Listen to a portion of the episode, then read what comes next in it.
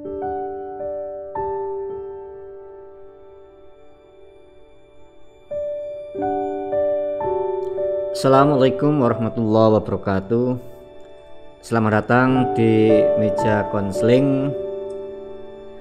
Di sini kita akan bercerita, mendengarkan dan merasakan cerita kalian bersama ilmuwan psikologi dan psikolog dari Fakultas Psikologi UMM. Podcast ini mengundang kalian untuk berbagi cerita, keluh kesah dan gundah gulana untuk kami bahas dan ulas bersama setiap pekannya. Ait, jangan khawatir, setiap masalah yang kami bahas identitasnya pasti dirahasiakan. Episode kali ini saya Zainul Anwar MPSI Psikolog.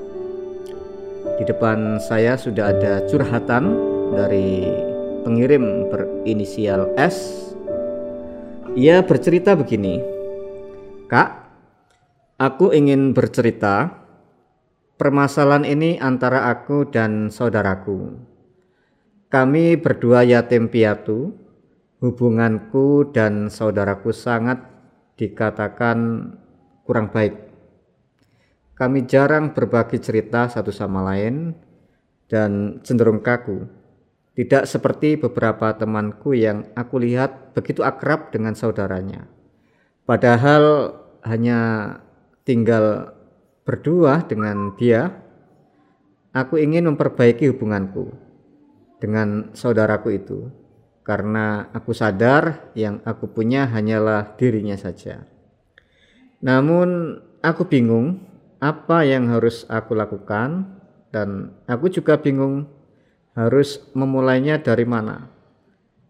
Karena menurutku tidak mudah apalagi jika hanya aku saja yang menyadarinya. Apa yang harus aku lakukan? Nah, sekilas cerita di atas ya yang saya sampaikan tadi adalah salah satu permasalahan yang dihadapi oleh saudara kita yang berinisial S ya. Memang semua masalah menurut semua orang itu tidak sama ya karena perspektifnya berbeda-beda ya. Nah, kita akan mengulas dulu dari perspektif yang kita lihat secara umum dulu ya. Bahwasanya pada dasarnya manusia itu pasti memiliki masalah. Dan masalah itu sebenarnya ya berulang dan berulang ya setiap kali yang kita alami. Namun kadang kita juga sering kali uh, membuat masalah itu menjadi rumit ya padahal sebenarnya itu sederhana. Nah, kenapa bisa demikian?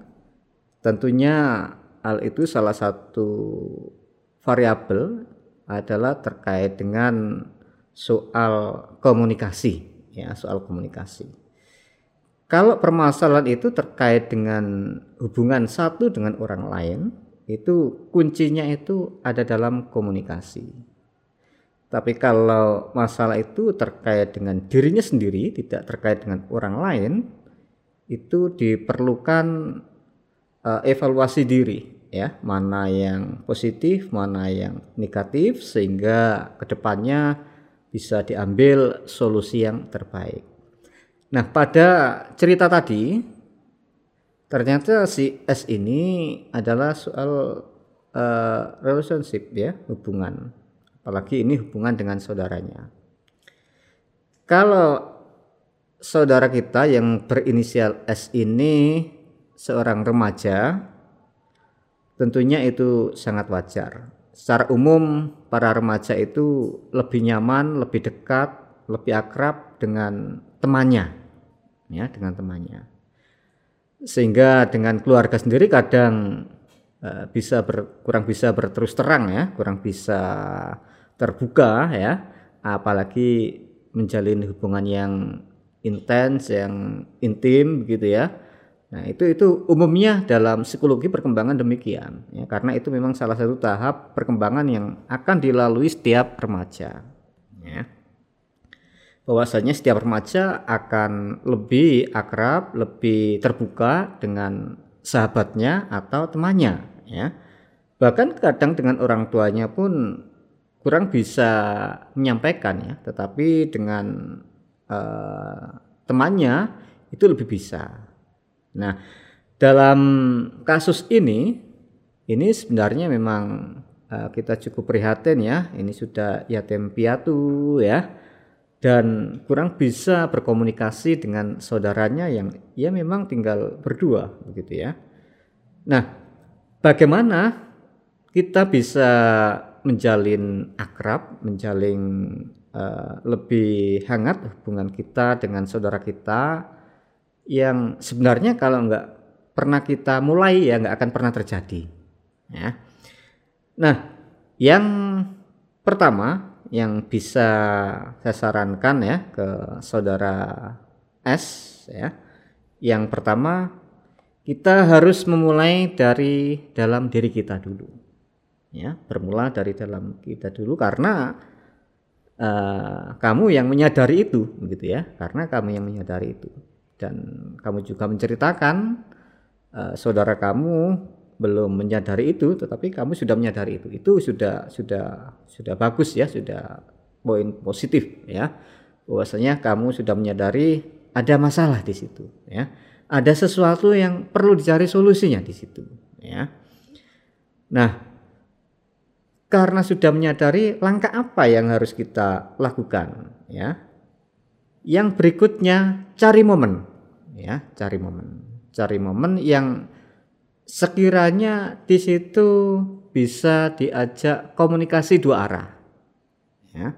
Tentunya momen ini sangat tergantung situasi dan kondisi dan yang paling tahu momen ini eh, saudara S sendiri ya kira-kira momen yang seperti apa yang bisa kamu ciptakan sehingga bisa menjalin komunikasi gitu ya.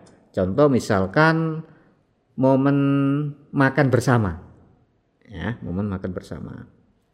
E, diajak makan ke warung atau ke mana bersama begitu ya. Itu kan pasti ada yang namanya komunikasi.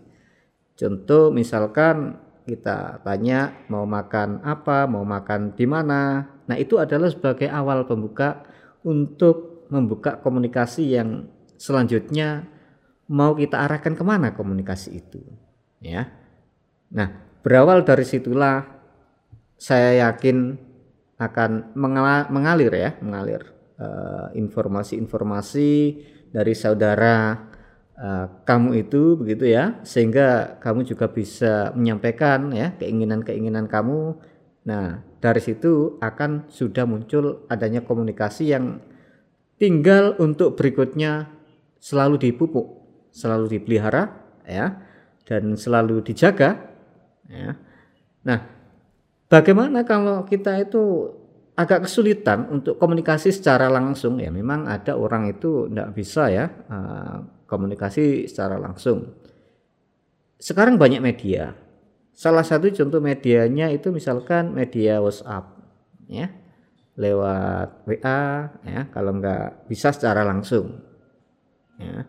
Karena memang banyak orang itu kesulitan ya uh, ngomong secara langsung. Tetapi via WA itu ngomongnya jadi banyak.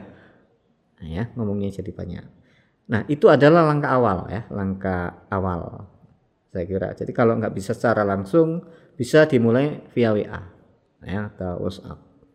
Dan berikutnya tinggal diikuti aja irama komunikasi dalam uh, eh, WA tersebut ya sehingga tinggal mencari momen-momen yang sekiranya untuk bisa memelihara komunikasi-komunikasi berikutnya ya sehingga uh, saudara S dengan saudaranya ini ke depannya akan bisa lebih hangat untuk selalu menjalin komunikasi.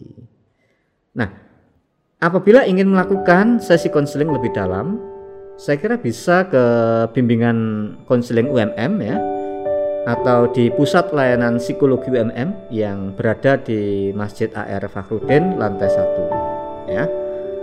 Mungkin sementara sampai di sini dulu. Sekian dari saya Zainul Anwar MPSI Psikolog. Mari bahagia, sampai jumpa.